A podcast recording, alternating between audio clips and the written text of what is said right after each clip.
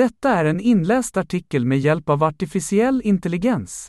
Vätgas är på mångas läppar, här kommer de största trenderna för 2023 hittills. Grön vätgasproduktion, med ett växande fokus på hållbara energilösningar förväntades produktionen av grön vätgas, med hjälp av förnybara energikällor som sol och vind, för att driva elektrolys av vatten, öka. Denna trend skulle minska koldioxidavtrycket kopplat till vätgasproduktion. Utbyggnad av vätgasinfrastruktur, med tanke på satsningen på vätgas som bränsle, skulle det troligen vara en fortsatt tillväxt i utvecklingen av tankningsstationer, särskilt i regioner som Europa, Japan och Kalifornien, som varit tidiga anhängare. Vätgas inom transport, fortsätta pilotprojekt och utrullningar av bränslecellsfordon för vätgas, FCV, bussar, tåg och även tidiga utvecklingssteg inom flyg och sjöfart. Lagringslösningar för vätgas. När efterfrågan på vätgas ökar, skulle det finnas ett ökande behov av effektiva lagringslösningar. Vätgas för industriella tillämpningar. Utöver transporter kan användningen av vätgas inom industrier, särskilt inom stål och kemiproduktion, vara på uppgång.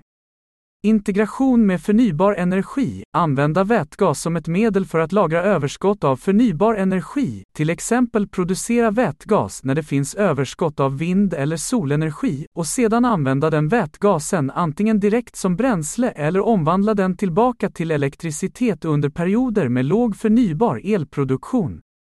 Policy och incitament. Många regeringar världen över kände igen potentialen av vätgas som en del av deras rena energimix. Således kan nya policys, subventioner och incitament för att främja vätgasteknik och infrastruktur vara aktuellt. Internationellt samarbete och partnerskap, länder kan komma samman för att samarbeta om vätgasprojekt, forskning och teknikutbyte. Säkerhet med vätgas och allmän medvetenhet. När vätgasteknologier blir mer mainstream skulle det troligen vara ett fokus på att säkerställa säkerhetsprotokoll, standarder och höja allmänhetens medvetenhet om vätgasens potential och säkerhetsåtgärder.